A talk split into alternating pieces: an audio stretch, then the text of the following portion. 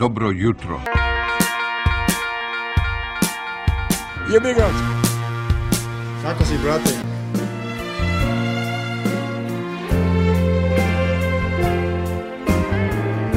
Bilo lepo.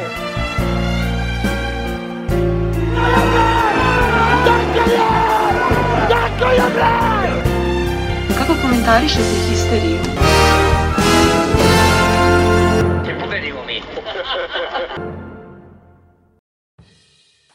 Pozdrav histerikalci, dobrodošli u 33. epizodu treće sezone vašeg ili našeg omiljenog podcasta Partizan Hysterical, da ona ne bude potpuno depresivna i potpuno u nekim uh, lošim i ružnim vestima, pobrinuli su se košarkaši Partizana, sedmica je krenula jako loše, utorak e, košarkaši su pružili možda i najlošiju partiju ove sezone. E, na gostovanju Lijetka Beli su protiv ne toliko renomiranog protivnika bili su poraženi sa 15 razlike, a realno je to bio poraz nekih 25 do 30 razlike koliko je bilo u većem delu e, drugog poluvremena. Samo dva dana nakon toga usledio je novi šamar za navijače Partizana, Feynor nas je ono potpuno resetovao. Jedna šamarčina kakva odavno nije viđena. Nažalost, mnogi navijači Partizana su i navikli na, pa čak i mo, moje generacije, čitava, čitavo detinstvo nam je ovaj, proteklo. I možemo da ga se setimo kroz te neke brojne petarde, međutim odavno nas neko nije ovako ponizio futbalski. Uh, gledano da bi onda i ne, nedelja započela loše, napredak je odneo bod sa JNA, dva boda koja smo izgubili, koja nas mogu mnogo koštati u završnici ove trke za prednost domaćeg terena u derbiju u play-offu, o tome ćemo takođe pričati nešto kasnije. I da kažem da ovaj histerikal ne bude jedan od najvećih depresikala, koje smo snimili, pobrinuli su se košarkaši Partizana koji su posle 8 godina pobedili budućnost u uh, Morači, prepune Morači, ako je ona utakmica protiv Lijetka Belisa je bila jedna od najgorih, ako nije najgora, onda je ova bila svakako jedna od najboljih utakmica ove sezone. A, nažalost, umeđu vremenu dobili smo dve tragične, zaista tragične vesti. Napustili su nas prerano, Uške Vučićević, a samo čini mi se dan kasnije i Dragoljub Jeremić, e, dva bivše futbalera Partizana, mm, zaista neverovatni ljudi koji su bili, da kažem, još u nekim godinama gde su mogli da podare dosta toga i sebi i sebi bližnjima, pa i svima nama. Nažalost, eto, možda je možda čak i ta dva odlaska da su obeležila prethodnu sedmicu koja je bila zaista teška za, za sve navijače, navijače Partizana. Pre nego što krenemo uh, uvodnu reč imaće kapetan Ercegović ovoga puta iz Saudijske Arabije. Javlja se sa, da kažem, najnovijim doživljajima vezanim za Partizan ovaj, uh, sa mora i sa željom naravno da ga što pre vidimo na utakmicama što je on i najavio, o tome možete, e, o tome možete slušati u narednih par minuta. Nakon toga na zahtev e, našeg Karla, čuvenog ikca, dopisnika iz Novog Sada koji je bio prisutan u Morači, koji je od malobroj navijača Partizana koji su bili juče ovaj, e, u, u Podgorici, na, na njegov zahtev počet ćemo sa košarkom, pa ćemo čuti i njegove impresije, da kažem, sa lica mesta iz prve ruke. Prvo Ercegović, pa onda Košarka. Pozdrav grobarima, pozdrav grobarima ovoga puta iz Saudijske Arabije. Ne, kako nisam se rodio u Saudijsku Arabiju da ne pratim futbal, lakše bi bilo nego ovako, ali dobro, što je tu je. Sami smo birali da volimo, pa sad što je tu je nego da se prvo vratim na taj futbal za četvrtak. Znate kako, i poraz smo očekivali od Feyenoorda, svako ko se razumije u futbal a takvih je realno malo, baš malo, se je očekivao poraz od Feynorda. Kad se vidjeli utakmicu protiv Spartaka, što su očekivali protiv Feynorda? Da će da, ne znam, desni bek da, da odigra neku utakmicu života ili tako nešto. Tako da što toga tiče, to se očekivalo. A ova, što se nije očekivalo i, i što smo sami, to je ova X protiv napretka. Ali znate kako, vratilo nam se, sve nam se vratilo. E, zviždimo na minus 17 prošle sezone, zviždimo na plus 5 ove sezone, zviždimo Joviću, zviždimo Markoviću, zviždimo Joviću, zviždimo Zdjelaru, zviždimo Lutovcu, zviždimo Natku, e, tako, tako nam i treba. Znači, cigani na minus 5 pune stadion, a mi na plus 5 zviždimo svojim igračima. Tako nam se vratilo, tako nam i treba. Kad trener mora na konferenciju štampu da objašnjava Twitter naloge, a ne da priča o utakmici, sve nam jasno gdje nam je klub i kakva nam je situacija. Kada on treba da priča što je rekao na Twitter, rekao i da nije na Twitter rekao i nego eto, teško mi je palo ova izgubljena titula. Nije si izgubljena, ali mislim da Cigani neće kiksnut do kraja. Mislim da nisu oni ovaj nisu oni ovaj neka Vojvodina tamo i neko oni to drže u svoje ruke na drugi način, tako da mislim da ovaj neće oni do kraja kiksnut, to staje nam taj derbi u rupu, pa tamo u rupi što bude, bude. Treba igrati muški, pa ako izgubit se, izgubit muški. Poginut muški, što se kaže. A, ovaj, sami smo krivi, sami smo krivi. Mi, dobro, od upravi Parzana treba da pričam, znači upravi Parzana treba da pričam, to, to je sve rečeno, do kad će oni biti tu, vjerovatno do, do 4. aprila, ali koja ostane po 4. aprila, još četiri godine su oni tu i tako da ovaj, i tako da ovaj, dokle god su oni tu nama sreće nema, jer ako Zvijezda dovodi desnog beka iz Valencije, a ti dovodiš desnog beka iz uh, Kazahstanske druge lige Miljkovića, pritom ti on bolji, pritom ti on najbolji desni bek što vi imaš, a sve ti je jasno a, gdje smo mi, gdje su oni. Znači, doveli smo Fejsu, povrijeđen, ja ne znam što mu je, koja je to povreda, volio bi da čujem koja je to, pa to premicač Deja Sajčevića, ponovo od micač, premicač, kako ga je zvao Dejo, pa ne može da igra. Mislim, ajde, ne znam što je došao onda ako je znao da ne može da igra. Čuljeno je znao da ne može da igra. Kakva sitna povreda, došao u januar, čovjek sitna povreda, evo, Marće završiti. Tako, Jevtović i on je nespreman, on zna futbal, on je nespreman. Mi, eto, taj mali je, mi špica drugoga nemamo, taj klinac je dobar, ali on je če promašio 200 postotne.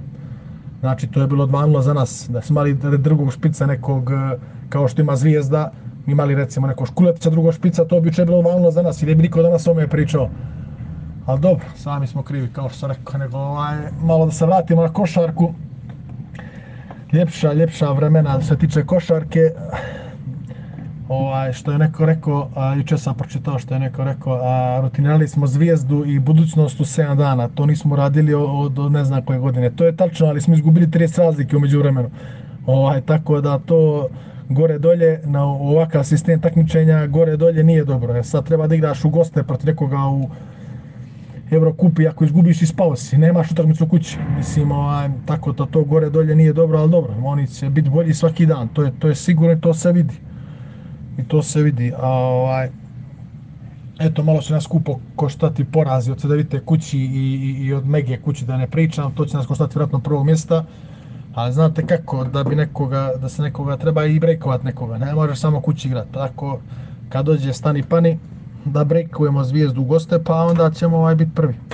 Što se tiče Eurokupa, eto izgubljena ta utakmica kako izgubljena, ne bi se nju vraćao, ovaj, da dobijemo kući sad za par dana, pa da to drugo mjesto osiguramo i onda ima tu da se igra i tamo će favoriti ispadat. Treba gledati da se izbjegne taj, taj Virtus, ako može nekako Virtus da se izbjegne ovaj, ne znam, ono, drugi, treći, treći na drugog, da se on kako izbjegne na sreću, a svi ostalima se može igrati u goste, a ja mislim da će biti puno iznenađenja, jer na utakmicu kada se igra, možete dobiti bilo ko, kao što mi izgubili od, od Gagića ovaj, i kompanije. Tako može i neka bolja ekipa, ne tamo strane izgubiti od neke ekipe i onda da imaš lakši, lakši raspored do finala. I tako to je to sad, ovaj, vidim, zbog ovih situacija ruski klubovi neće igrati, da li će igrati do godine, neće igrati do godine, treba te stvari ostaviti ovaj, po strani jer znamo da svaki rat i svaka korona donese zvijezdi dobro, ne nama, tako da ovaj, mi treba biti mjesto na terenu, pa onda do godine ako se bude, ne bude igrao CSKA, daj da igrao mi, ali ne bi trebalo se slanjati na te priče, jer ja sam ubeđen da počne treći svjetski rat, da bi Čović eh, donio pehar eh, Lige, ovaj, Lige Evrope kod Hep, na Happy televiziju kod Marića, tako da sve što zlo njima ide u korist, tako da ovaj, mi treba izborimo naše na terenu, naše, ovaj, našu Euroligu sljedeće godine. I tako, nadam se brzo sa kući da malo pomognem Partizanu, pošto nas je tribine sve manje i manje. Ovaj, tako, drugo nema ništa da vam kažem pametno. Držite se, braćo. Volite Partizan. I to je to. Pozdrav. Imaš devojku ti. Spreman za istraživanje? Come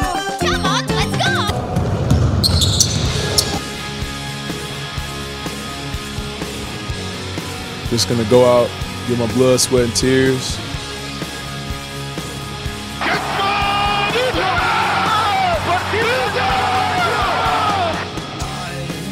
Perché tifi Partisan Belgrado?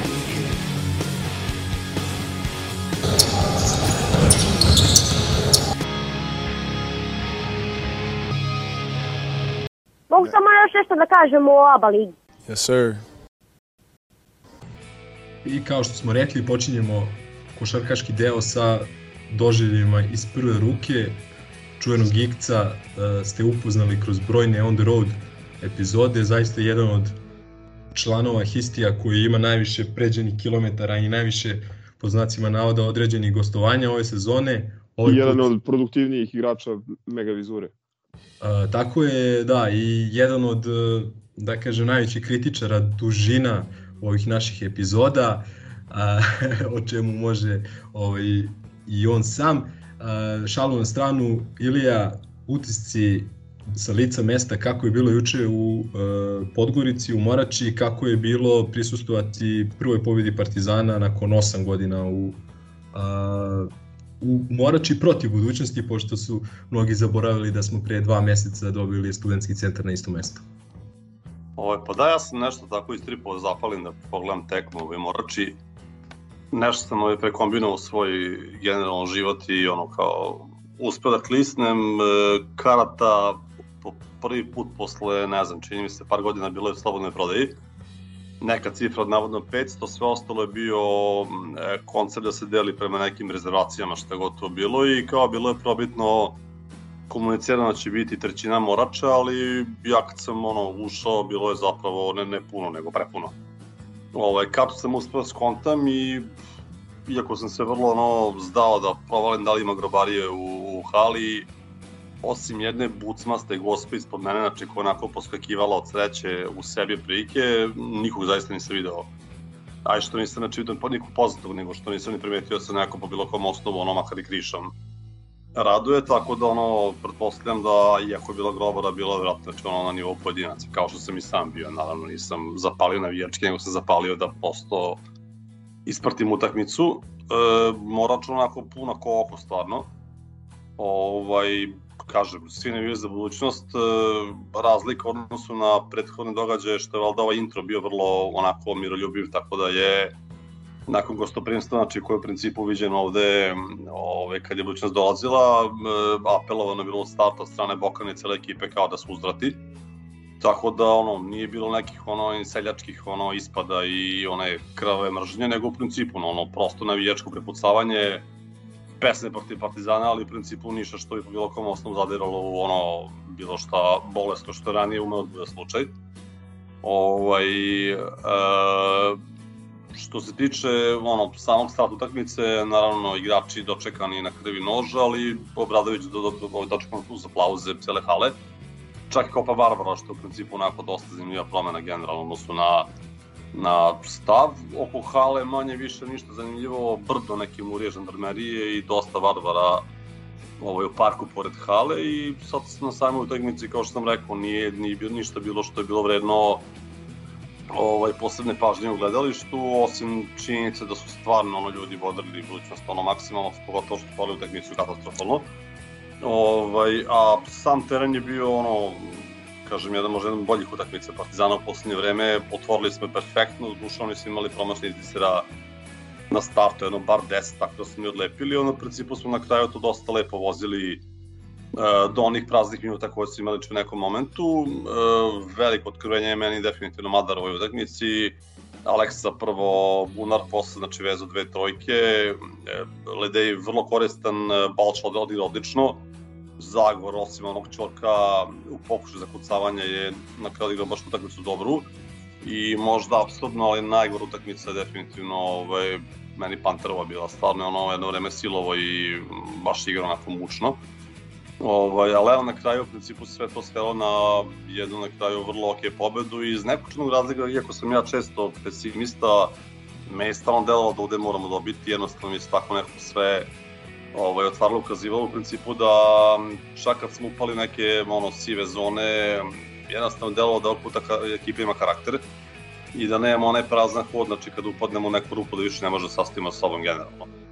Ovaj, sam kraj, ono, ja stalno znači bio upaljen od sreće, ali čak i publika onako isprtila ono, nekim aplauzom igrače Partizana, tako da eto, posle 8 godina se vraćamo, što bi se reklo, ovaj, ono, sa punim bodovima iz Morače, što je stvarno ono, zaista redka pojava posle vreme.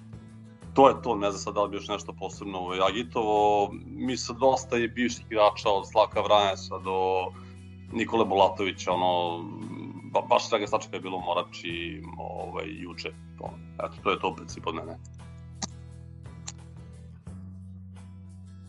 Ja moram da ti, da ti ispravim da kažem da je bilo bar još nekoliko navijača Partizana u Morači koji su se i nama javili umeđu vremenu, pozdrav za uh, Tufija, pozdrav za Vanju i tako dalje. Uh, Gazo, šta misliš Izvini, da li... samo, izvini, samo karikirao sam kad sam rekao nikoga, ali mislim Ne, pričam... ne, naravno. Da, pričam pojedincima, jer ono, ja sam možda se nešto nadao potajno da pošto prvi put posle čini mi se 10 godina karte puštene u slobodnu prodaju će možda neka kritična masa 50 ljudi skupiti Znaš, ne mislim u smislu ono kao pali, kao bar da se možda ne izoluju u hali, pa da ono, se tu i tamo nešto pruži podrška, ali pretpostavljamo sam previše očekivao. Eto, to je to.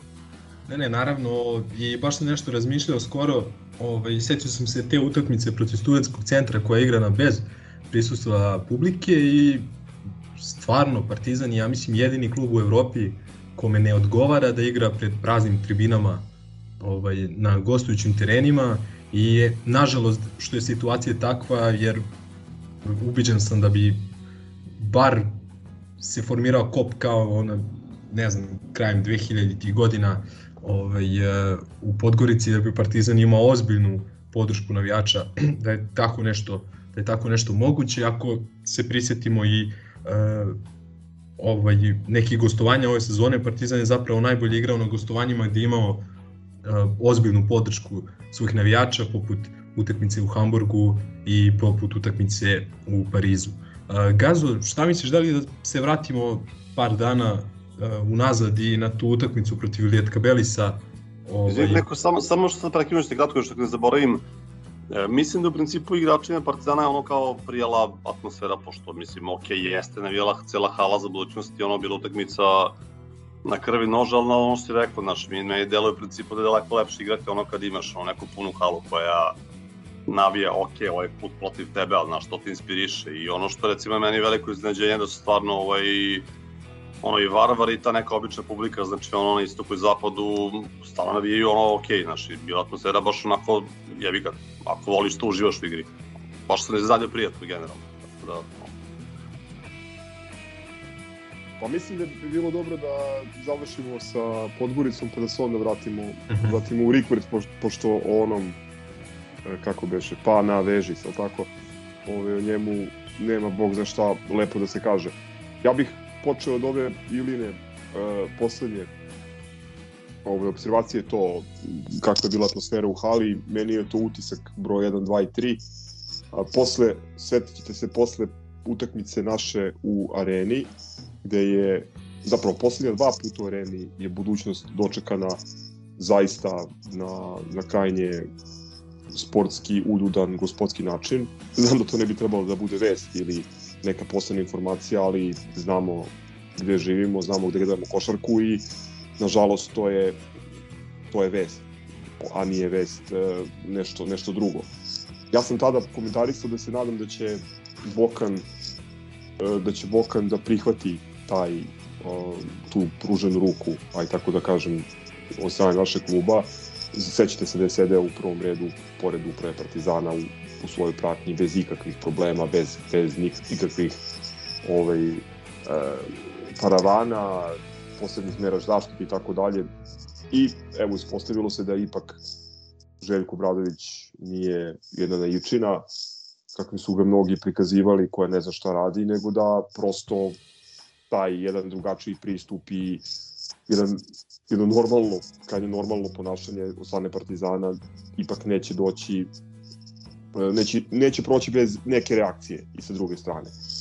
Uh, meni je da, utisak publika, utisak to što su posle dugo vremena karte mogle da se nađu u slobodnoj prodaji, te ovacije za za Željka Obradovića, evo, znači sada imamo na uzorku do 18 utakmica samo jednu i po dvoranu, odnosno jed, dva kluba istog vlasnika, čiji navijači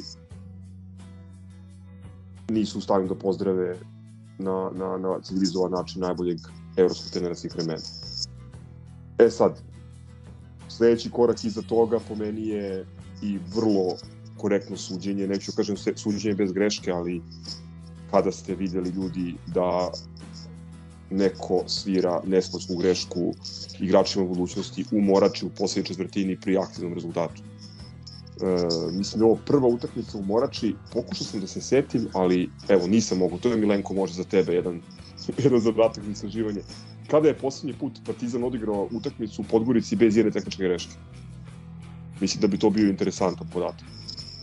I nije bilo, definitivno nije bilo ovaj, svinskih iznutrica, mislim da nije bilo ni pirotehnike, ni tvrdih predmeta.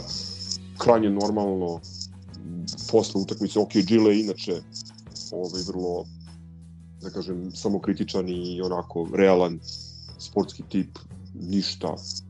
I od sa Željkove strane vrlo, vrlo korektne izjave i to je po meni jedno normalno zdravo rivalstvo, naravno da će da nam zvižde, naravno da će vršiti pritisak, ali to je... To je okej, podrazumeva se. Mislim, to je, to je da- normalna da... sportska atmosfera. To, o, zapravo, to je vraćanje košarke u domen sporta. Sa, ovaj, jer mi smo de facto, pre svega, u susretima sa, sa glavnim protivnikom skliznuli ne svojom krivicom sa, on, sa one strane sporta. I to, to je problem. Samo da potvrdim da, da, izvinjam što si rekao, ovaj, da, ništa nije poletelo u toku utakmice, ni jedan put na teren, mislim, to se u Beogradu dešava redovno. I biotehnike nije bilo, znači. Mislim, ja ne patim od toga, znači, generalno sad tipa da neko mora da pozdravlja Bradovića, naprotiv, mislim, svi su mi navijači bili vrlo aktivni, ono, kao i potpuno legitimno da ti naš čak je ga ono i vrši presiju i veziš treneru, znaš, samo ovde pričam jednostavno ono ovim ovaj, preko puta, znači iz komšiluka koji su jednostavno ono, priča samo za sebe, znaš, ako nekog mrziš jebi ga, ali treba da imaš neki ono bar nivo da ga mrziš kao gospodin, znaš, ono, ovi su žgadija najgora. Znaš, e, recimo toga svega nije bilo u Podgorici. Mislim, posle dugo vremena, znaš, i tamo je bilo ono, kroz pa, istoriju raznih stranja. Davili su, davili su Gagija Milosavljevića, sećamo se kakve su poruke bile za Duleta. Mislim, Tako je. krajnje, krajnje nesportska atmosfera. Tako je. Ovo sad, ovo sad je ovo sad je neka, neka druga priča. Pa da, ovo je znaš, neka, neka racionalna sportska mržnja protivnika, jebi ga, to je meni potpuno okej, okay. mislim, stvari, okej mi je što što je ovo, ali aj sad da, da nastavamo tu temu. Dobro, to mi je glavni utisak. Što se tiče same utakmice, evo par nekih, uh, nekih stvari koje, da kažem, mi ostaju u sećanju. Uh, čini mi se da, da, pre svega ja Madar, koga smo hvalili na početku sezone, pa zatim uh, su te, te reči pohvale malo izvetrile, evo sinoć je odigrao jednu sjajnu, ja bih rekao, ako ne najkvalitetniju, onda sigurno najzreliju utakmicu u dresu Partizana i to konkretne stvari mislim koje, koje je dao ekipi.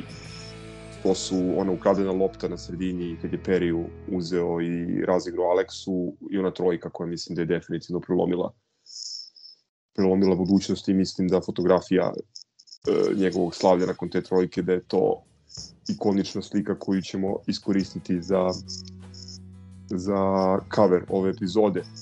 Zagorac koji je bio jedan od redkih e, igrača koji su odigrali na nivou Partizanovog dresa u Litvaniji i ovde je jedan jako važan doprinos i u napadu i u odbrani više onako važnih trenutaka, ali možda ona rampa Atiću u situaciji kad je budućnost mogla da pređe u ovaj vodstvo četiri razlike, ako se ne varam, i zatim polaganje u kontri, to je nešto što nas je održalo u pravom trenutku u igri. E, takođe, odlično odigrao par puta odbranu na Kopsu, um, to me dovodi do trećeg utiska da oča, mislim, iskoristili smo realno jako slab šutarski dan budućnosti, eto, ne, ne pamtim kada neki Šeković, neki Danilo Nikolić koji se oporavio i vratio i kome želimo sve najbolje, ili neki Kobz, ili neki ovaj, ovaj, Sili, nije pogodio sve što je bacio kako su Partizana ovoga puta, to nije bio slučaj, mislim su samo tri trojke bacili u cijeloj utakmici, to je, to je bitno. A gde je Sili, tu je i Vili, ali ne naš Vili, nego Vili Reed, koji nas je častio sa onih par promašenih bacanja i onim jednim razigravanjem Ledeja iz Nehata, gde mislim da je da je praktično ovaj, pomogao da u trenucima kad je kad smo gubili ritam, da li zbog promene njihove odbrane ili iz nekog drugog razloga, gde je možda postojalo opasnost da se oni potpuno vrate, tu nam je dobri Vili pomogao da da ostanemo ovaj, u kontroli utakmice. Eto, to je to. E, I, i samo na kraju pomenuo i Balšu, koji takođe odigrao jednu jako dobru utakmicu, jednu jako, a zahtevnu utakmicu. Tako da onaj e, argument koji je počeo da se javlja među igračima Partizana da mladi igrači griljiraju na slabim utakmicama, da ih nigde nema kada atmosfera malo napetija i nezgodnija, mislim da to ne ide ovaj, odigrao je fantastično protiv mnogo iskusnih igrača. To je to, što se tiče mojih utisaka ove ovo meču. Pomenuo si taj njihov šut za 3 poena i oni su ekipa koja najmanje šutira a, za 3 poena u ABA ligi i nisu baš naročito precizni ove sezone. Što se toga tiče, igraju nešto drugačije u košarku, fi, izuzetno fizički, onako jaku košarku, vole da da spuste loptu u reket, da probaju da probiju, a imaju igrače da tako nešto u vidu Kopsa, Silija i Terija. I e, ono što je odlika njihova ove sezone je da da iznuđuju ogroman broj faulova protivnika i samim tim idu dosta često na liniju slobnih bacanja. I juče je to bio slučaj, oni su imali 20, 28 bacanja, a, mi samo se, mi 17 od toga su čini mi se četiri bila u onoj, onoj penal završnici. Dobra stvar je što su oni promašili veliki broj, čak devet slobodnih bacanja i ovaj neki igrači su tu da kažem sebe možda malo izbacili iz utakmice poput uh, pomenutog Grida, poput uh, Zokija Nikolića, pa i Vlade Micova. Ovaj mi smo odradili odličnu odličan posao na pre svega na Sili koji je dva poena dao iz pet šuteva iz igre, takođe na Micovu pet poena, bilo je tu još nekoliko, evo tu Atić, dva, Popović, pet poena, dakle čitava njihova, da kažem, spoljna linija, osim Kopsi i Perija, dala nam je 7, 9, 14 poena. E sad, tu su naravno nadoknadili Kops i Peri i ok, nisu dali ne znam koliko trojke, ali dali su pre svega Kops nekoliko onih teških dvojki, ovaj, tako da kažem da su možda tu malo ovaj, potrošili tu neku dozu sreće. Video sam da je Džikić posle utakmice rekao da da, im ih, da ih je dosta poremetila reprezentativna pauza i to je činjenica, oni su izgubili od Zadra, izgubili su u Ljubljani i eto, izgubili su sinoć, ali mislim, kako da kažem, i mi smo bili onako raspušteni isto kao i oni, možda i više nego oni za vreme te pauze, tako da što se nas tiče ovaj, mi smo se oporavili na vreme, pripremili dobru utakmicu, dobro se uveli, ponovo je došlo do tih uh, crnih poslednjih dva minuta polovremena o kojima sam pričao nekoliko puta ove sezone, gde smo uspevali da prospemo veliku prednost, onako baš stečenu ukotrbnim radom, tako je bilo i juče. Mi smo odigrali perfektnih nekih možda 18 minuta uh, u oba smera na oba kraja terena i onda smo serijom nevjerojatnih grešaka, loših poteza uspeli da odemo na polovreme samo 4 pojena razlike, iako je veći deo polovremena protekao potpuno u našem uh, znaku i gde smo imali 10 do 13, 14 uh, poena prednosti.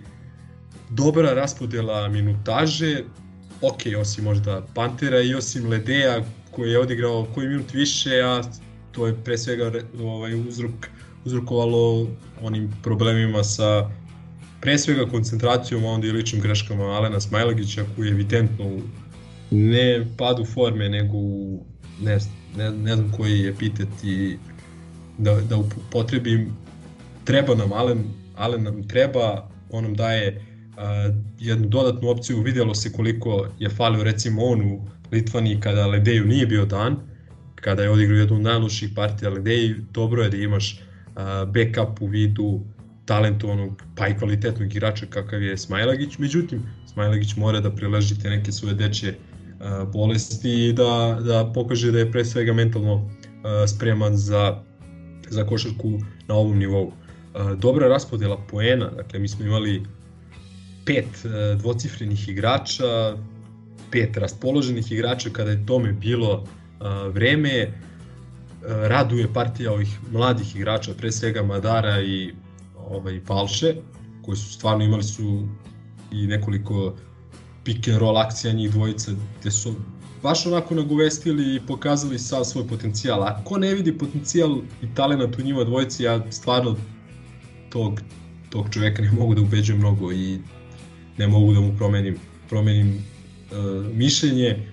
Kao i cele sezone pričali smo da Madar će imati dobrih utakmica, imaće loših utakmica, sve je to normalno za momka koji ima 21 godinu igra na poziciji playmakera u uh, ekipi Željka Obradovića, tako da, kako da kažem, sve je to normalno, ne treba da poleti ni on, a ni mi svi nakon ove pobjede i ove dobre partije, već ovo mora da mu bude postek za dalje rad.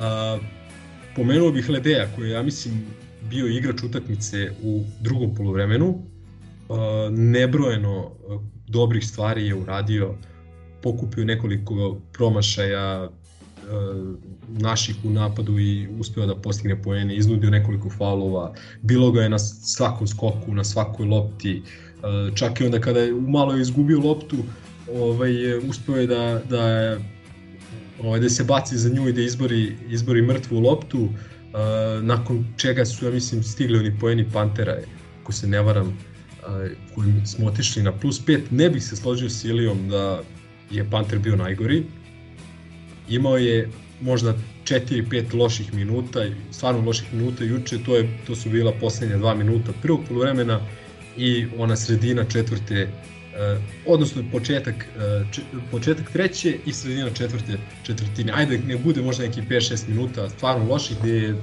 sve loše uradio i donosio loše odluke i sve promašio što je šutnuo i tako dalje, ali je dobro otvorio utakmicu, onako dao je samopouzdanje ostatku ekipe i ne treba zanemariti činjenicu da je po pravilu odbrana najagresivnija na njemu, da se često najbolji defanzivac šalje na njega i tako dalje. Juče, ok, Peri možda nije najbolji defanzivac, ali je igrao izuzetno agresivnu odbranu, a sudije su juče dopustili i takvu košarku i bilo je dobro.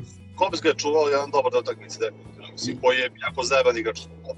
Jeste, jeste, namazan, iskusan i kao što sam rekao, sudije su pustile kontakta a on je igrač koji, naravno, mislim, uh, ni, redko kom igraču prija kontakt. Dakle, nije imao neku preteranu zaštitu od sudija juče, tako da, opet kažem, dao je one dve duge dvojke na kraju i, i prelomio uz Madara tu utakmicu, ali i kada ga nije išlo, da kažem, veliki deo fokusa odbrane budućnosti je bio usperen na njega. Znači, ne branim ga, ni, ni ti tvrdim da je odigrao fantastičnu utakmicu, što ne može da bude slučaj kada izgubiš pet lopti, ali ovaj, hoću samo da kažem da nije bio toliko loš, loš po meni.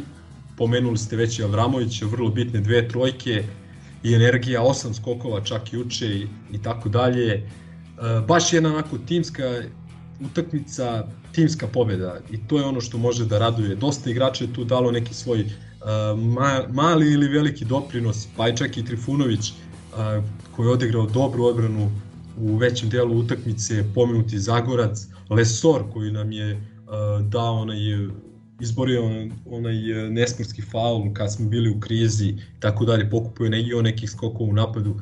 Mislim da možemo budemo zadovoljni, ovom pobjedom smo deluje, od, odlepili se od, od budućnosti na tabeli. Verovatno smo izborili to da ne igramo četvrt finale ABA lige, da imamo prednost domaćeg terena u polufinalu, što nikako nije zanemarljiva stvar. I, ovaj, I na kraju krajeva ostvarili smo konačno jednu veliku pobedu na strani uh, pred uh, 99% da kažem protivničkih navijača uh, pred punim tribinama protiv vrlo kvalitetnog i iskusnog protivnika. Mileko sam bih replicirao, znači ja kad sam rekao da je Panter najgore bio mi sinoć u kontekstu onoga što je resno ekipe pokazala. Znači, mene jako nervira kada ono uđe one minute idiotske da ne ide mu i onda forsira, razumeš, i to je ga nas koštalo definitivno onog gubitka one prednosti, znaš, kad uđeš u kontraritam, pa ti dalje forsiraš po svaku cenu, znači, tako da pričam iz te perspektive. Naravno da je ono imao dobrih momenta, ali jednostavno daleko je to od onoga što je treba da pokazuje, baš da. E, mislim da je sredinom četvrte četvrtine, kada je on napravio one dve, tri greške i, i promašio oni, oni par šuteva, ovaj, vidno, znači danas sam baš pogledao i reprizu i video sam da je Željko odmah izvadio Avramovića i da mu je zamerio, pretpostavljam to što je bio statičan u napadu, što nije se ponudio da on uzme loptu, loptu u ruke i nekako stvarno smo bili statični, pružena lopta u ruke u Panteru i kao evo ti izmisli nešto. Tako da kažem opet, nije da ga branim, ali treba imati u vidu i, i činjenicu da on da iznosi ogroman deo ove sezone sa velikom minutažom, sa velikom odgovornošću i da, kao što sam rekao, često je on u prvih pet fokusa odbrane, pa tek onda, onda ostali. Pa htio sam da kažem da mislim da ne treba sad tražiti neke posebne razloge za nezadovoljstvo. Mislim na kraju krajeva dobili smo budućnost u Morači posle 8 godina, drugo dobili smo ih bez Rodija Kuruca, bez Dalasa Mura i aj kažeš bez Dangubića, pa je pitanje koliko je to hendikep. U svakom slučaju, mislim da mi je neko ponudio ovakav rasplet, zgrabio bi ono s obe ruke, ne, bi, ne bih razmišljao posebno nakon fijaska u, u, u Litvani. Tako da, ono, zlata vredna pobeda i ništa da se nadamo da, da je to to što se tiče ovog regularnog dela sezone, da smo obezbedili tu drugu poziciju i sada se treba potruditi da preko sutra uradimo isto samo u Eurokupu. Tako je, a tu poziciju u Eurokupu smo onako prilično kompromitovali porazom u Litvaniji koji, ajde da kažem, nije bio toliko neočekivan imajući u vidu da smo manje od 48 sati pre toga završili. Ma da, to smo, to smo praktično i najavili u prethodnoj da. epizodi, u sred one post uh, euforije. euforije. Da, da, da, mi smo, najavili smo praktično da, da bi to vrlo lako moglo da se desi, jer ova ekipa nema energije još uvek i dovoljno rutine da, da dve tako teške utakmice igra u tako kratkom vremenskom rastojanju. Pa iskreno, evo, baš sam i sa, sa Gogecom pričao, ovaj, i ja posledice te utakmice u nedelju, prošlu nedelju, osjećam maltene i danas, znači ono, osjećao sam dva, tri dana, bio sam ono, promukao, sa polomljen nikakav, ono, a, nije lako ni igračima oporaviti se i regenerisati za, ono, i odigrati i odputovati u Litvaniju i, i ovaj, jeste bio i čarter i sve to stoji, ali kažem opet treba imati u vidu uh, veliki je broj ču, čudnih rezultata, ne znam kako drugačije da ih uh, ovaj, definišem, ove sezone u Evropi baš zbog korone i zbog uh, rasporeda. Ovaj, e sad, kao što, kao što sam rekao, dakle, nije toliko neočekivan poraz, ali neočekivan način na koji smo izgubili. Stvarno ono je, što ti kažeš, rasprodaja ugleda i nešto što ne treba da se dešava. Uh, to se dešava mnogim timovima u Evropi, ovakvi porazi, to, ali to ne smije da se dešava Partizanu, jer Partizan nije kao drugi timovi i možda negde drugde je svejedno da li se izgubio 30 razlike, kod nas nije. I u tom nekom smislu je dobro što su oni klinci na kraju utakmice pokazali određenu vrstu reakcije, ali je problem što je ta reakcija izostala do tih pomenutih minus, minus 30. A, očekivali smo... Izvini, samo ako mogu, ako mogu nešto da prokomentarišem što je bitno, zapravo samo nadovežem vrlo brzo. E, mi smo ovde praktično umesto da se potpuno oslonimo na klince i da ih pustimo da oni pokušaju da reše utakmicu, mi smo odigrali na pola. E, nosioci igre se nisu odmorili, odigrali su loše, klinci nisu odigrali sasvim zadovoljavajući sa izuzetkom poslednje četvrtine. Tako da to je ono što meni što meni stvara ono generalno jako onako loš utisak. Uh, ona serija 20-0, 7 minuta bez koša, one greške amaterske, padanje u aut, ne znam koliko zicera smo promašili, onda onaj debeljko iz San Ilidža Sparsa koji ne znam ni koliko pet trojki pogodio u prvom poluvremenu, a cela na kraju Željko i priznao, cela odbrana je bila koncipirana na tome da se on zatvori. Smo znali da će onda i... Plus ona nesportska atmosfera krajnje, neko šarkaška, one vuvuzele, Kotena i Joe, sa razglasa. Mislim, katastrofa. Ono. Najružnija dvorana za košarku u Evropi. Da, dvorana sa izdignutim parke, parketom. Mislim, ne, govorim ovo sad da umanji, mislim da Čanak radi fenomenalan posao, odličan posao, svaka mu čast, mislim. Oni su neatraktivni, ali ono, uigrani, dobro posloženi, peglaju tu odbranu. Pričali smo i posle utakmice u Pioniru, Čanak sa tim što ima radi fenomenalne stvari, ali mislim da je tu problem bio u tom našem pristupu koji je bio sramotan. Sramotan. Jeste, ako se dobro sećam, bilo je, da kažem, po znacima navoda i pritužbi nakon te utakmice, samo ću te ispraviti, bila je u areni, ne, ne u pioniru, ovaj, a, da smo previše pričali, da smo previše hvalili Čanka i, i i njegovu ekipu, ali stvarno i, i ova utakmica utorak nam je pokazala da sve to što smo pričali, to je ono što svako ko malo poznaje košarku, poznaje ovaj sport, može da vidi da on radi čovjek fantastičan posao sa vrlo limitiranim uh, sredstvima i igračima, da igraju vrlo onako zanimljivu, efikasnu košarku. Na kraju krajeva oni su izgubili na jednu loptu, čini se pola koša od Lokomotive Kuban i dobili su, dakle oni su jedna od dve ekipe koja uz nas, znači samo smo mi i oni dobili Juventud uh, u Evrokupu ove sezone, u stvari sad je Andorra, da, ali uh, oni su dobili Juventud, čini mi se neki 10 razlike, možda i više ovaj, na domaćem terenu. Tako da sve to govori u prilog da smo igrali protiv jedne dobre, onako, dobre, dobro organizovane ekipe, koja opet nema neki veliki ugled i, i ime u svetu košarke i takođe ovaj, činjenica je da smo odigrali stvarno blamantnu utakmicu. E, rekao je Željko, dakle dva igrača su se pojavila, to su bili Panter i Zagorac, ovih ostali 10 su odigrali možda poslednjih, ne znam, 2-3 minuta ovaj, kako treba, ali to je bilo sve premalo i pretanko za bilo šta ozbiljnije. Šteta, eto, i Juventud je odmah sutradan izgubio u Andori i sa, ne znam, pobedom tu smo mogli da se vratimo u borbu za, za, za prvo mesto, da čekamo poraz eventualnih Juventuda u Parizu, a to prvo mesto bi nam stvarno mnogo značilo, kao što bi značilo i, i u ABA ligi, ali šta da se radi, znači moramo da gledamo sebe i samo sebe, da vodimo računa o svojoj igri i da taj maj mesec i kraj aprila kad se sve bude odlučivalo da dočekamo u najboljoj formi sa što više upotrebljivih igrača.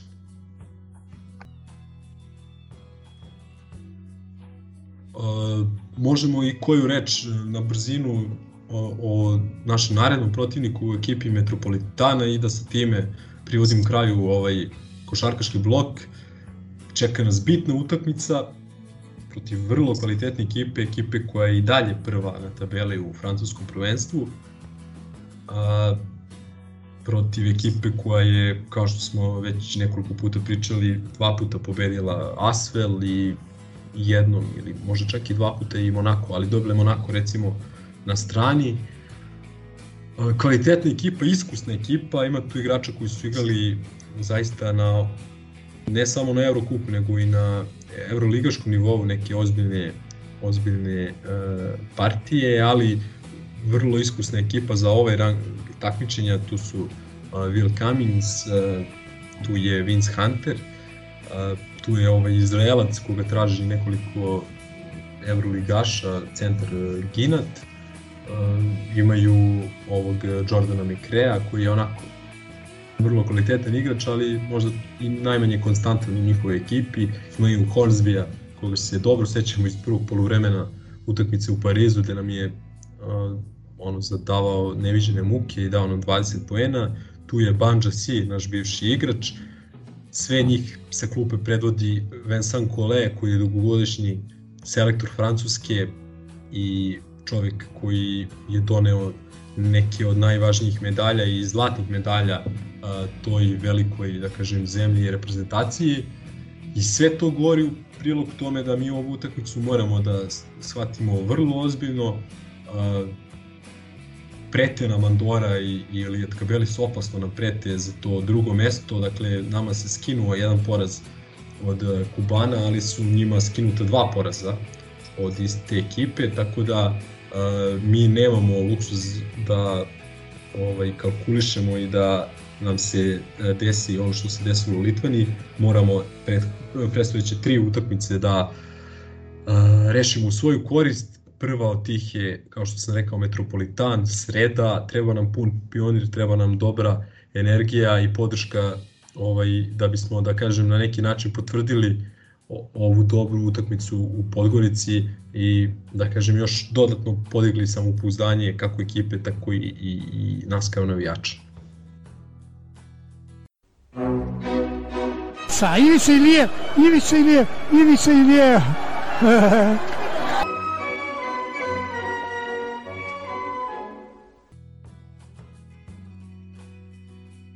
E pa da prelazimo polako i na futbol. Nije što volimo, nego što moramo i što je red. Reče, reče Trobi koji je ovde sa nama da, danas, odnosno večeras, kako je uživao u ovim naš, našoj košarkaškoj klinici, slušajući je, a ja sam mu rekao da sad sledi ona futbalska klinika, ali nažalost ne ona u, u, u, ovaj, u nekom lepom značenju, već sve kontra toga.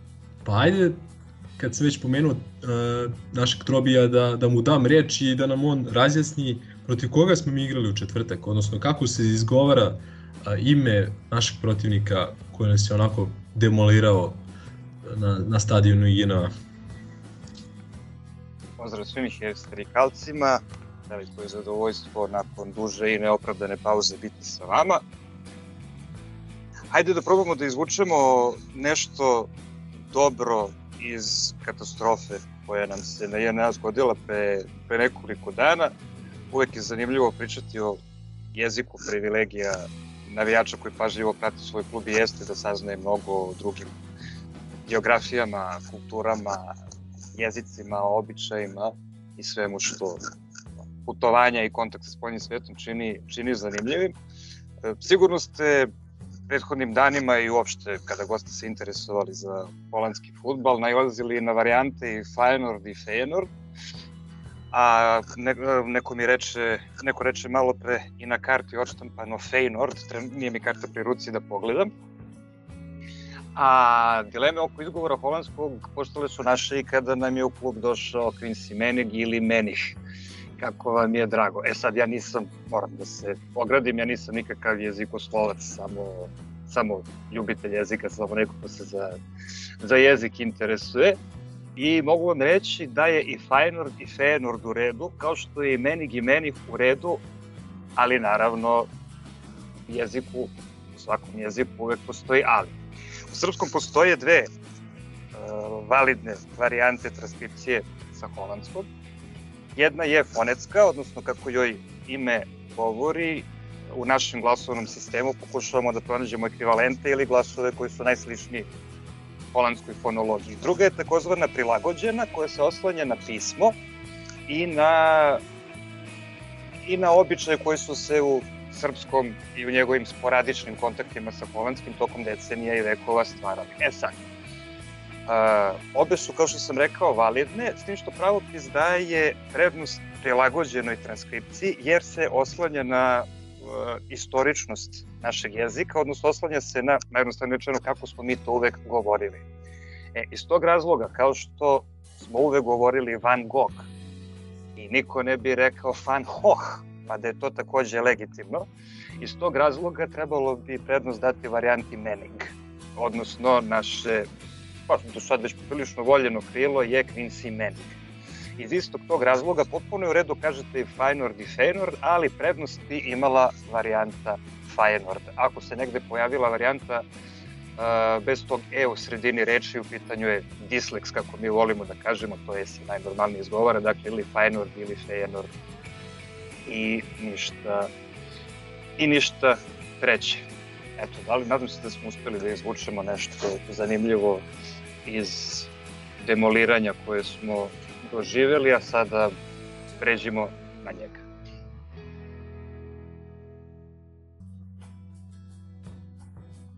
Da vam zahvalim prvo što ste mi dali čast da, da pričamo o onom užasu. Um, zapravo cela, cela futbolska nedelja je jedna katastrofa. Ono u četvrtak je bila, rekao bih, mala škola velikog futbala.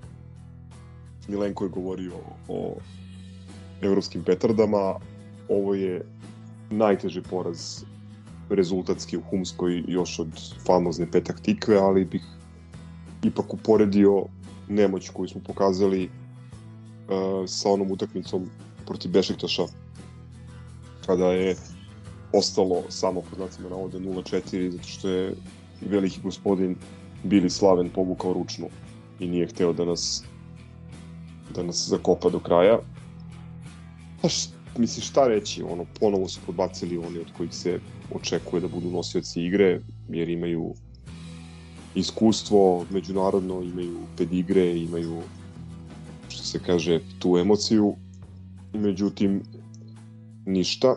Mm, u petak ujutru sam baš razmišljao ovaj, o tome ovaj, kako ćemo se oporaviti od, od onih batina. Međutim, i čak sam palo mi na pamet da će možda za tu neravnopravnu borbu za titulu da je možda čak i bolje to što nećemo igrati na tri fronta, međutim ovaj, videli smo šta se desilo već u nedelju, tako da sada pričati o nekoj tankoj nadi za titulu Mislim, želim da širim defetizam, ali mislim da od situacije u kojoj je pre meseci nešto možda jače sve bilo u našim rukama smo sada u, u neuporedivo težoj situaciji.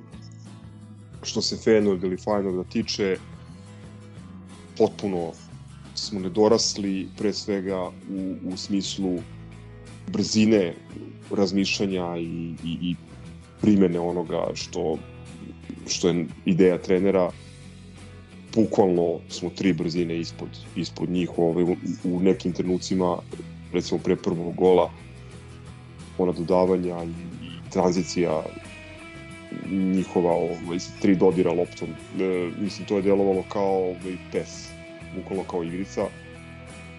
Kretno bez lopte gde osim golmana ovog Austrijanca, štopera, njihovog generala i, i onog e, Norvežajina koji osigurava sredinu terena, osam igrača bukvalno učestvuju u, u završnici svakog napada. To je ono za nas stvarno pokazatelj kako izgleda ozbiljan futbol, pri čemu čak ne ni futbal prve kategorije, nego futbal u jednom ozbiljnom klubu, ambicioznom klubu koji igra jednu ozbiljnu ozbiljnu ligu, ali kažem ne, ne, ne ligu najviše kategorije. Šta bi bilo protiv klubova iz najviše kategorije, o tome ne želim da razmišljam.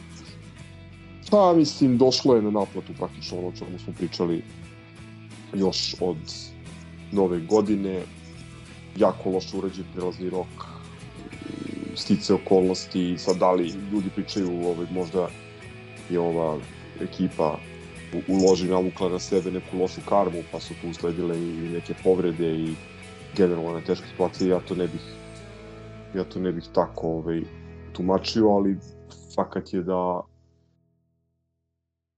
da imamo tanku ekipu i za uh, takmičenje sa ozbiljnim ekipama i za takmičenje na tri fronta. Nama je ona utakmica protiv Genta u oktobru, posle koje smo svi bili ubijeni u pojam, nešto slično poput četvrtka uveče, trebala da bude svima na, mislim, govorim ovaj, o, o Partizanu kao totalitetu, na, što se kaže, na, na svim nivoima kluba trebala da bude uh, jedno upozorenje i jedan putokaz šta nam sve fali da bi mogli da igramo ozbiljno takmičarske utakmice, međutim, svedoci smo toga da smo mi sačekali završnicu ovaj, u još lošijem stanju sa oslanjanjem na improvizaciju, na na sreću, na na to da, evo, triumf, triumf tog, tog šarlatanstva i neozbiljnosti je da nama levog beka igra Lutovac.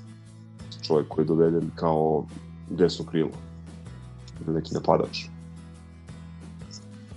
Šta da kažem, ono, trener je bio posle utakmice u nokautu, potpuno izguben, malo se oporavio i otvorio se u, u najavi utakmice protiv napretka. Mislim, pozdravljam to, ali mislim da su te neke stvari ta priča o tome kako izgleda naš konkurent, kako izgledamo mi, da je to trebalo pričati pre dva meseca. Kad smo mi ove, o tome diskutovali ove, u ovom podcastu, pa možda i ići korak dalje i postaviti pitanje ljudima koji su odgovorni za kadrovsku politiku. Zašto ove, mi ulazimo u ovaj, u završnicu borbe za titulu i kao gađamo čestinu finala evropskog takmičenja sa Lutovcem kao levim bekom ili ne znam sa ovaj, debitantima. Bukvalno sa ekipom iz Omladinske lige Srbije koja je završila tu utakmicu, što je po meni i najbolji i najgori utisak četvrtka. Jedina dobra stvar su ti dečaci koji su kao dobili u jednoj teškoj situaciji neke minute i onaj Jovićev gol koji nadam se da će mu biti posticaj da se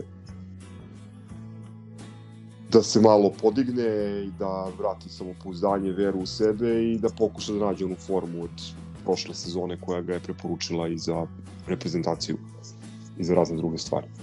Ništa, mislim, to je toliko od mene u uvodu, ja bih posle možda malo više pričao ovaj, o onoj jako nepretnoj situaciji ovaj, onom vređanju Jojića. Mislim, posebno imam potrebu da o tome pričam zato što sam ga često kritikovao ovde, pa negde razumem zašto ljudi revoltirani, ali moram da kažem da to javno šikaniranje naših futbolera da mi je potpuno ono, neprimereno i da je u ovom slučaju adresa potpuno promašena, jer znamo svi da je u toj nekoj hirarhiji krivice taj igrač koji vjerovatno ne zaslužuje da igra svaku utakmicu stalno nije u, u, u vrhu najodgovornijih za ovo što nam se dešava. E, toliko za početak, pa posle možemo i detaljnije o ovoj poslednje, posle, poslednje temi koja mislim da je, da je neprijatna, a jako važna. Trobi, ajde ti se uključi, pošto si ti, smo onako izduvani, razočarani, prazni, prebijeni, ovaj, izašli sa stadiona, ti si dao ovaj, jedno interesantno tumačenje zbog čega e, se ne osjećamo kao da smo doživeli potpuni brodolom, odnosno zašto je zašto smo se osjećali tako kako smo se osjećali. Razmišljao sam u poslednje vreme o tome e, zašto je atmosfera među nama loša, e, zašto je loša i na stadionu, zašto je loša čak i u Viber grupama i za kafarskim stolovima gde, gde sede prijatelji koji se inače znaju decenijama i zajedno prate partizan decenijama. Evo i među nama budimo iskreni, svako malo se neko posvađa. Pozdravljamo Lilija ovom prilikom. I naravno da mnogo je razloga već decenijama zapravo, pogotovo poslednjih pa 7-8 godina, da među nama atmosfera bude loše produžen boravak u neprijateljskom okruženju nikako ne može bude dobar za, dobar za psihu, ali mislim da ove sezone e, važi još jedan razlog. Mi smo do pre nekoliko dana bili prvi na tabeli i bili u osmini finala evropskog takmičenja prvi put posle ovo drugo nam se zbilo prvi put još od 2000 još od 2005. godine a ovo prvo da budemo u martu na čelu tabele iskreno trenutno ne mogu da se setim, pa to se od 2013. nije desilo, vratno jer 2016. 17. nismo bili na čelu, nismo bili na čelu tabele, ne mogu se setim u kom trenutku smo 13. 14. onda sa, sa Markom izgubili prvo mesto zahvaljujući ciganskom proleću. No, poenta, izvinjam se zbog ove digresije, poenta je da smo mi pre nekoliko dana bili u poziciji, prednaprednjačkoj poziciji, da je tako u šali nazove. Stajali smo tako dobro kako godinama nismo. Svejedno, atmosfera je među nama loša. Verujem da je razlog tome što smo svi makar iskriveno od sebe, svesni da ovaj tim postiže bolje rezultate nego što vređe. I mislim, imaju, imaju englezi dobar izraz to punch above one's weight i zaista je tako naša treba dovoljno posvetiti samo Ligi, Ligi konferencija. Naša grupa Ligi konferencija možda nije bila mnogo jaka, ali pre te grupe i posle te grupe mi smo morali da izbacimo Soče, mi smo morali da izbacimo Santa Claru, mi smo morali da izbacimo Spartu. To su protivnici od koje bismo svake sezone očekivali da utakmice sa njima budu problematične. Čak i u prvom kolu ona Dunajska sreda bila je pretežak protivnik za tu fazu takmičenja. I ovaj tim je sve to prebrodio, ali mi smo svesni da imamo, bojim se da smo svesni da imamo tim od koga ne bi trebalo očekivati da sve te protivnike sa da ne u jednoj sezoni i kao da sve vreme samo čekamo trenutak u kome će brod da počne da tone. I zato smo, na primjer, ranije tokom sezone dovoljno je bilo da utakmica ne počne kako treba. Igramo na 1 40. minut, još nema gola, već svi ne govorimo o profesionalnim gunđalima, govorimo, ljud, govorim i o, govorimo svakome, svi bismo počeli da, da gunđamo i da očima, jer smo se bojili da eto, to taj trenutak od, od kog sve dolazi na oko. I zato smo, eto, mi se konkretno od stadiona hteli da popijemo neko piće i ugrejemo se, neko silaze od stadiona ili kako god, svi smo očekivali ovaj trenutak. Kao što smo svi očekivali oni treći gol Augsburga 2015. Pa se posle njega stadionom samo razvila tišina, neverovatna, za onih 12 ili 15 hiljada prisutnih ljudi. I to zaista lep, lepo, se, lepo se videlo. Ljudi su bolji od nas. Um, reč, prva reč koja mi pada na pamet u vezi sa utakmicom, u vezi sa Feyenoordovom igrom pogotovo, jeste smisao. Neko mi je rekao da ste u nekom od prethodnih podcasta koje sradne bilo nisam slušao, pomen, pomenuli sjajnu seriju Područje bez signala koja je nedavno emitovana i koja je prava lekcija iz smisla kinematografije za prvu i za sve sledeće godine FDU. E, smisao je nešto što dolazi na posledku. Nije dovoljno čovjek poželi da napravi nešto smisleno, pa će to i da napravi. U futbalu smisao dolazi nakon talenta, nakon treninga, nakon taktike, kada se sve to uveže, onda možeš da dobiješ smislenu igru. Feyenoord je prosto na svakom od tih planova jači od nas. Ja zaista ne znam, ne znam ni kako se to meri, da li je jači od nas za četiri gola, za tri gola ili za dva gola, ali jači jeste. I svako razmišljanje, svako razmišljanje o tome šta bi bilo da smo imali Ricarda, šta bi bilo da smo imali Miljkovića, šta bi bilo da se Natho nije povredio u 15. minutu, bojim se da je samo zavarav, bojim se da je samo zavaravanje. Na kraju krajeva ni Feyenoord nije bio kompletan. Recimo ovaj Serial Desers koji nam je zbičio da upotrebim pravi izraz. treći gol nije njihov standardan igrač. Falio im je ovaj, Gustil koji im je najbolji strelac barem u, barem u holandskoj ligi. Nisu ni oni bili kompletni. A pritom, uh, Ricardo i Natko su ljudi od kojih bismo pre svega očekivali doprinos u napadu, a ne u odbrani. A nam je u napadu dobro išlo.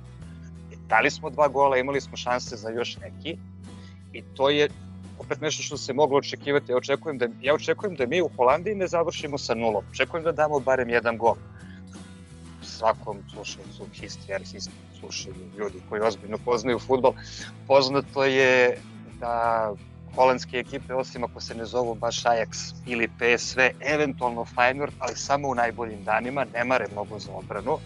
Mi smo u svim duelima sa holandskim ekipama, osim onoj jednoj utakmici sa Groningenom, koju smo završili bez datog gola, u svim utakmicama sa holandskim ekipama u istoriji mi smo davali barem dva gola. Jer Holandžani prosto takav futbol igraju.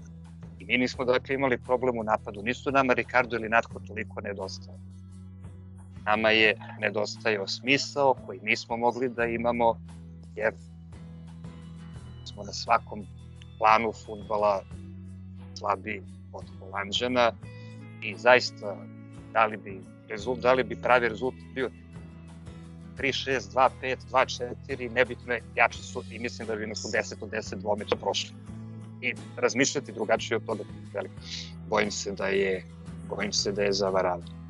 E, Iskoristio bih samo priliku, ne, ne znam da li će se neko setiti toga, da pohvalim i zaista samo njega da pohvalim Slobodana Uroševića koji je u drugom polovremenu tela se odbrana raspala i u prvom polovremenu setit će se ljudi koji su gledali zajedno sa mnom na stadionu e, dosta smo ga hvalili, on je u prvi 45 minuta zaista bio partizanov igrač utakmice i delove je kao jedan od redkih koji ima čime da se suprostavi Feyenoordu, ali nažalost u drugom polovremenu videli smo da videli smo da nemamo čime.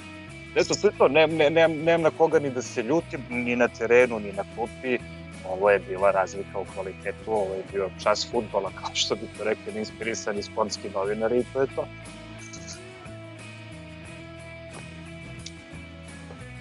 Mislim da je ovo bila vrlo ozbiljna i opširna analiza i da si pokrio manje više sve. Ovaj, e, kao, što si, kao što si rekao, ne, ne, nemaš ti na koga pojedinačno se, da se ljutiš, e, možda je Pop mogao bolje kod ono njihovog, e, sad sam više i zaboravio, da li drugog gola, možda Vujačić nije trebao da skine loptu Joviću na 1-1, kod onog prekida i tako dalje, sve to možda, možda, možda, ali nama trebaju konkretne stvari, a konkretne stvari i taj smisao o kome si pričao dolazi pre svega prelaznim rokovi.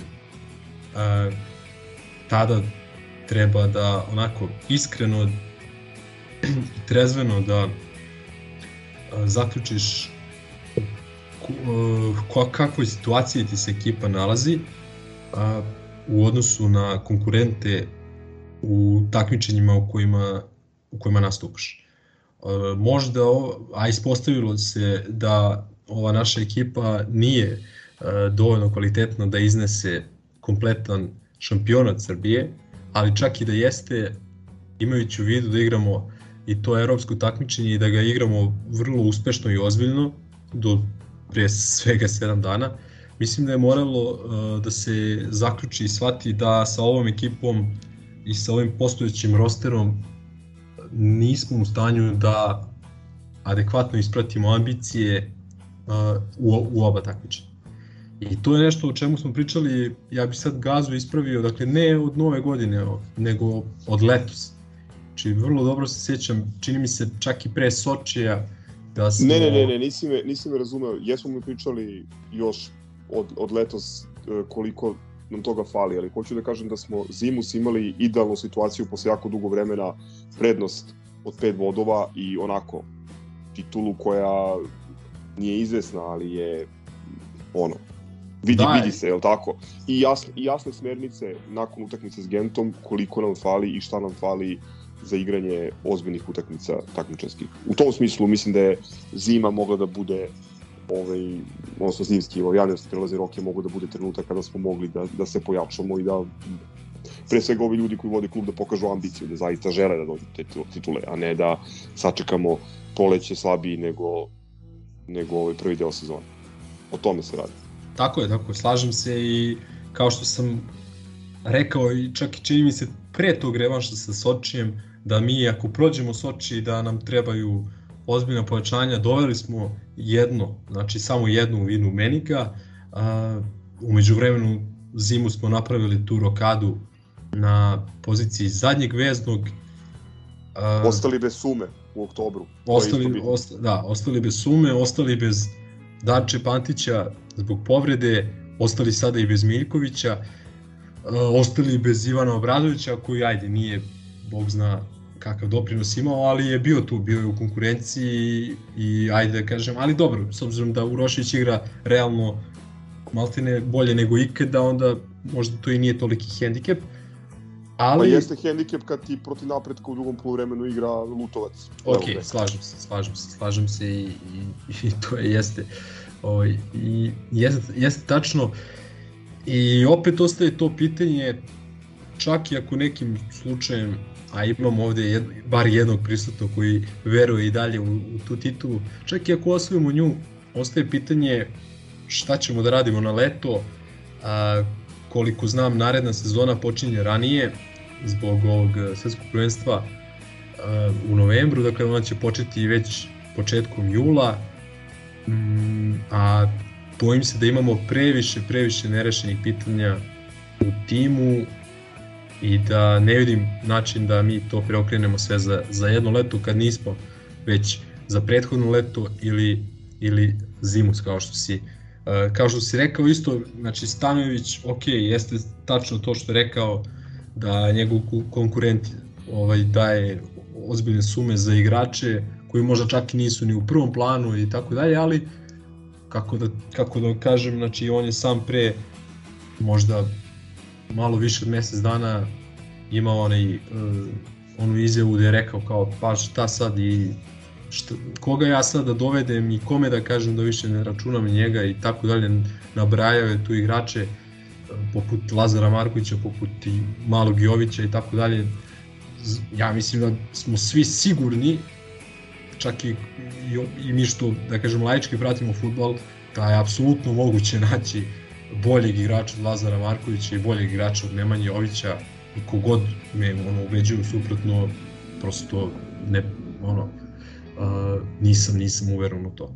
Tako da, opet kažem, ne treba očajavati, prosuli smo sve u ove dve nedelje, ispali smo iz Evrope, što možda i nije toliko loše na kraju krajeva, sad ide sa fokus na to domaće prvenstvo, da li ćemo uspeti da izguramo ekipe u velikom kanalu, utakmica sa napretkom je samo nastavak svega onoga što smo viđali od revanša sa Spartom pa nadalje. E, mogla je utakmica i sa napretkom da se drugačije završi, Milovanović imao dve velike šanse, prosto je, bar jednu je morao da iskoristi i tako dalje, ali čak i da smo dobili nekim rezultatom 1-0 u 93. minutu, bilo bi zasluženo, ovaj, bilo bi super, ali što, što mi volimo da kažemo, morao bi da se stavi prst na čelo i da se, da se zapita da li imamo ono što je potrebno uh, za ono čemu se nadamo, a to je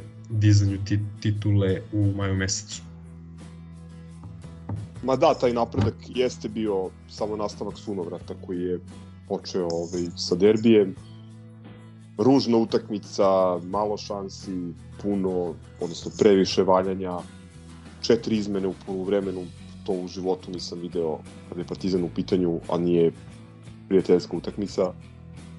Nekoliko promašenih zicara, jedan nedosuđen penal i moram da primetim da ne čujem ove portale kako kukaju ili Terzića ovaj, kako piše saopštenja zbog toga što, što ovaj, je Partizan oštećen. E, sve to ovaj, stoji, ali meni onako jedan kamen u, u, stomaku od, od sinoć, e, najgori utisak mi je publika Partizana i to što mislim ako samo dve i po hiljade ljudi veruje da Partizanu treba podrška i da može do titula, onda mislim nemamo šta da pričamo. Realno. Mi smo pokušavali ovaj, od praktično zimske pauze da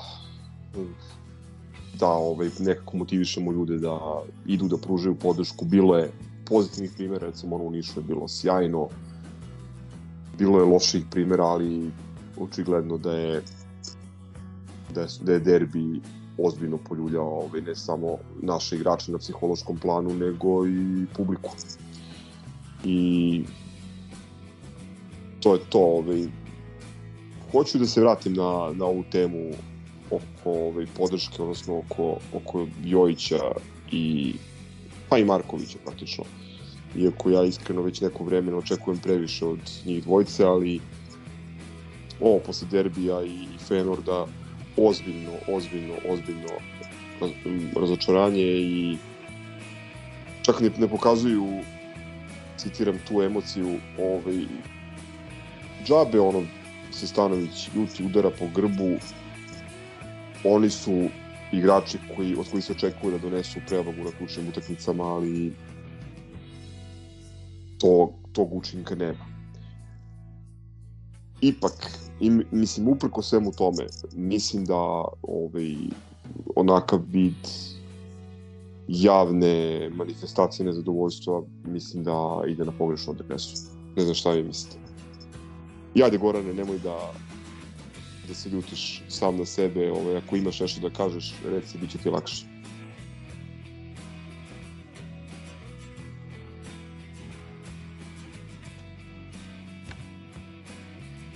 Ajde, ako niko neće drugi ovaj, u toj atmosferi, uh, slažem se da nekim uvredama nema mesta za, za igrače, pre svega za igrače Partizana, uh, koji daju sve od sebe. Dakle, većina od njih daje, daje sve, sve od sebe u nekim svojim granicama uh, mogućnosti.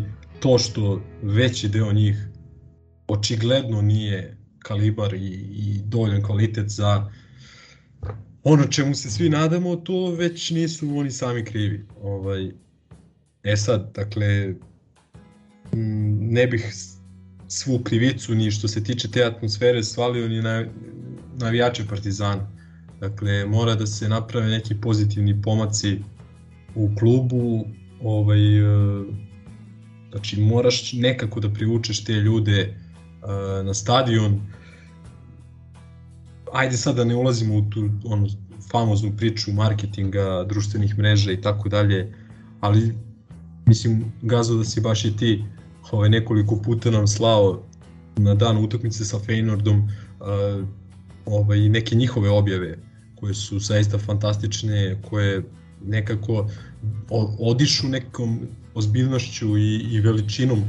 Znači ti kad pratiš to, ti imaš... Ma, pro, profesionalnost, profesionalnost. Tako je. Mislim, iz toga, iz toga onako je manir jedan ono, veliki klub u svakom smislu. Mi smo imali istovremeno samo jednu objavu i to klot najavu utakmice ovaj, koja je onako reda radi bila ispaljena tokom jutra. Tako je, tako je, ali sve, kažem, sve to pomalo, znači, to nekome neće zvučati kao opravdanje i tako dalje, ali to može da odvuče nekih 50 ljudi sa stadiona, neka druga stvar odvuče još njih 150 i tako dalje. Čuveni arenini termini ovaj, gde više ne možeš da pohvataš da li si igra u pola 3 ili u 2 ili u pola 8 ili u 9 Vidi, uveče. Upravu si, upravu si i ja sam pričao ovaj, pre 20 minuta o hijerarhiji krivice i mislim da su najodgovorniji ljudi za stanje u kome se klub nalazi ljudi iz lože i apsolutno njihova krivica je tu nemerljivo ovaj, prosto najveća. Ali e, mislim ti si izgovori kada je u pitanju e, situacija u kojoj ti dalje imaš sve ovaj, da kažem, u svojim rukama i kada imaš nek, najrealniji izgled u poslednjih pet sezona da osvojiš titulu i imaš idealne vremenske uslove i ok, možda je malo hladnije, ali je sunčano i suvo je i imaš termin u nedelju u 14.30 i dođe 2.500 ljudi. Mislim, meni je to stvarno onako baš, baš loš utisak. Jeste, jeste loš utisak, i, ali ja, ja malo drugačije na to gledam. A, mislim, mi smo, da kažem, većina, većina nas koji u ovome učestvujemo i da kažem, dobar deo ljudi koji nas sluša je ono, da kažem, po znacima navoda i navijački edukovana u onom nekom old school uh, smislu da je tvoja prisutnost na utakmici prva i osnovna stvar kojom dokazuješ vernost klubu, kupovina sezonske, kupovina ulaznice i tako dalje. Ali ako gledamo malo širu sliku, dakle, mo, moramo da, da shvatimo da recimo poseta na partizanovim utakmicama u košarci čak i u ono vreme dominacije je bila jako mala na utakmicama ABA lige, ali da se sve to, da kažem, sve to je zamaskirala ona atmosfera sa onih velikih utakmica. Tako da mislim da je klub ovde propustio recimo da protiv Fenorda ovaj, ne znam, da pusti da isto košta 1000 dinara, 1200 dinara, zapad, nemam pojma, da se umesto 12.000 ljudi pojavi 18 i 20.000 ljudi i tako dalje, ili na nekoj od prethodnih utakmica, a, kažem opet, ne volim što ovo pričam, znači nis, ovo nisu izgovori koje bih ja koristio, niti koje u principu uvažavam, ali nisu samo ni ljudi krivi za to, dakle moramo da, da pogledamo malo širi kontekst, ima tu mnogo krivaca, možda i malo i do trenera koji za razliku od Marka Nikolića ne zna da napravi taj hype oko sebe, čak i u, u vreme e, kada ide dobro. Znači, prosto nema dovoljnu harizmu, čini mi se, i, iako ja cenim njegovo futbolsko znanje i to, znači prosto nije ono slatkorečivi namazanko, što je dodatan kvalitet za, za svakog trenera. Uh, i, i tako dalje. Dakle, ima tu, ne znam, dosta razloga, ali na kraju krajeva stoji činjenica da je atmosfera na futbolskim utakmicama prilično loša, da su ljudi negativni, da kao da jedva čekaju neki loš potez da izbace tu negativnost iz, iz sebe. Uh, da li nam treba neki autoritet na klupi kao što smo tu u košarci dobili Željkom Obradovićem ili onim povratkom Marka Nikolića, uh, da li nam treba neki mađioničar na terenu koji će zabavljati publiku kao Leonardo ili Suma, ili nam prosto, prosto smo već postali takvi da možemo da napravimo dobru atmosferu samo onim poslednjim par utakmica onih ovaj, tanga smrti i tako dalje. Ne znam, ali trebalo bi, ako gledamo po nekoj komandnoj odgovornosti, prvo klub da ovaj, stavi prst na čelo i da kaže aj čekaj, daj da vidimo da, daj da vidimo što ne dolazi više od hiljada i po ljudi na stadionu u trenucima kad se borimo za titulu. Nažalost, nažalost znamo svi da se to neće desiti, da, da njima odgovara da dođe što manje ljudi i tako dalje. To nadam se da će nekada pobuditi neki inat kod navijača da, da dođu na stadion i da kažu e, sad ćemo da vam jebemo mamu, ali ne nakon poslednjeg sudijskog zvižduka kad smo prosuli dva boda napretka, nego i malo ranije.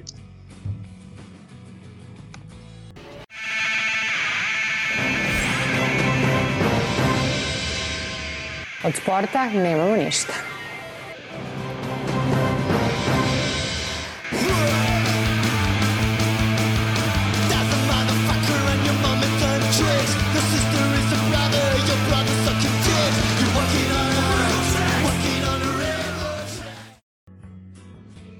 stalne rubrike, utak za ništa sporan trenutak posle nekoliko epizoda, odnosno nedelja pauze, evo, onako, baš kvalitetan materijal. To je faul igrača napretka nad Nemanem Jovićem i sad ja vas da pitam šta imamo od toga što je neka sudijska komisija ili neki raspali penzionisani sudija na areni priznao da to bio čist penal, mislim šta imamo toga kad je gotovo. Ima ljudi, ima ljudi koji su zapravo ima ljudi koji su posle Subotice govorili kako nam ne trebaju takvi penali, a sad ovaj, opet se posipaju pepelom i govore kako eto, nismo zaslužili. Penal je penal i kada je penal treba ga dosuditi. Ovde je bio čist 11 nad Jovićem potezanje sa leđa u šestestercu nema, nema spora, ali eto, Ovaj, da ti, samo da dodam da je po meni ono bio crveni u prvom polovremenu za start nad Markovićem sa obe, sa obe noge otvorenim John. Mislim da je to bilo u prvom. U Englesku, u Englesku je bio crveni sigurno direktan takozvani professional foul. A ovo s Jovićem je interesantno zato što ovaj, može na kraju da nas, da nas, košta, da nas košta te titule, a e, tačno se vidi iz reakcija javnosti i posebno portala, e, vidi se zbog čega su oni požurili sa, sa onim saopštenjem dok je naša utakmica u Subotici još uvek trajala. Eto, upravo zbog toga, jer ovaj sudija sada apsolutno nije smeo da da ovaj sudi penal, a boga mi ni VAR soba nije smela da, da reaguje, jer je posledica situacije u Subotici bio, bilo, bila sledeća stvar. Uh, Lucky Lu uh, je prošao tu superviziju svojih kolega ovaj, iz odbora za suđenje, uz procenu da je ispravno dosudio penal, a VAR sudija Srđan Jovanović je dobio nižu ocenu.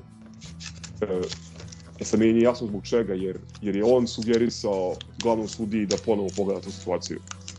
Tako da je na, jedno onako vrlo uvrnuto rešenje, ali očigledno iznuđeno zbog uh, ono, ludila koje su cigani iskreirali u, ono, zvezino proleće i, i kuhinja ovaj, koja, koja zna šta radi, a nije da im mi ne pomažemo ovaj način na koji igramo.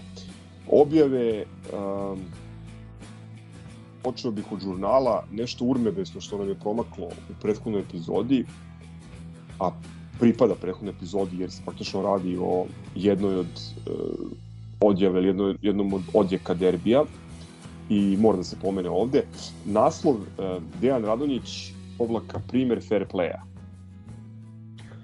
Uh, Dejan Radonjić koji je izbačen sa utakmice zbog dve tehničke greške.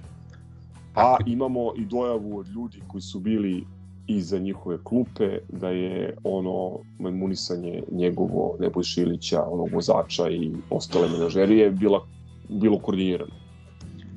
Ma ne, naravno. za brata Belog i za, za familiju.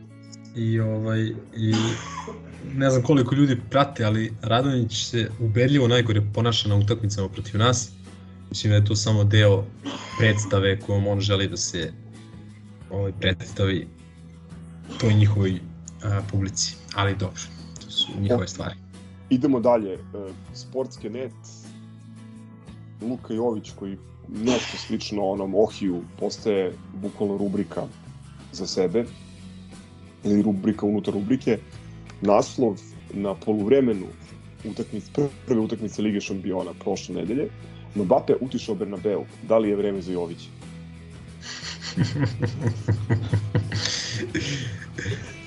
Iz, a mislim, valjda ljudi znaju šta se desilo nakon toga i šta je uradio Karem Benzema i, i to bi bilo to.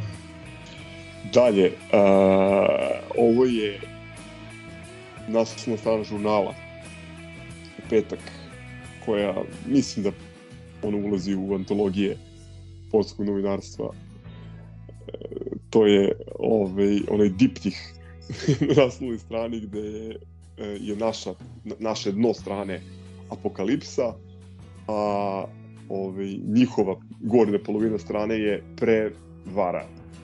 Ovaj, dakle, ta, taj prokleti var koji mrzi goloruki srpski narod. Katastrofa, ne, ne, nemam kako drugačije to da prokomentariš. Pa, bilo je jedno šest ili sedam genijalnih objava baš nakon utakmice sa Rangersom od one Zvezdu pobedio Rangers, ali centimetri do... A dobro, ali bar su im ovoga puta dozvolili da izvedu ovaj, sve kornere, je li tako? Da, A... nije bilo potrebe da se ovaj, organizuje po porodku u Beograd izvođenje kornera. Evo, ovaj, um, ovo je ovo isto kukanje nad varom i Uh, rekao bih da je B92 u pitanju. Uh, 92 net. Zbog ovoga je suđen penal Rangersu. Srnić je zakačio Engleza. Da li je ovo dovoljno znati za kaznu? Pa mislim, ako ga je zakačio u šestitercu, verovatno i jeste. Ali, uz Ali ako je ovaj Englez, onda možda i nije. I uz naravno legendarni podnaslov, pogledajte sami procenite. da. Onda, kaže Dejan Stanković opet na sportske net. Ne može maloroznije od ovoga. Zvezda igra bolje nego što rezultat pokazuje. ne sumnjam. Pa onda kaže ovaj, Borjan daje ocenu utakmice na sportskoj centrali. E, taj Borjan, Borjan posle Rangersa. Nije se namestilo.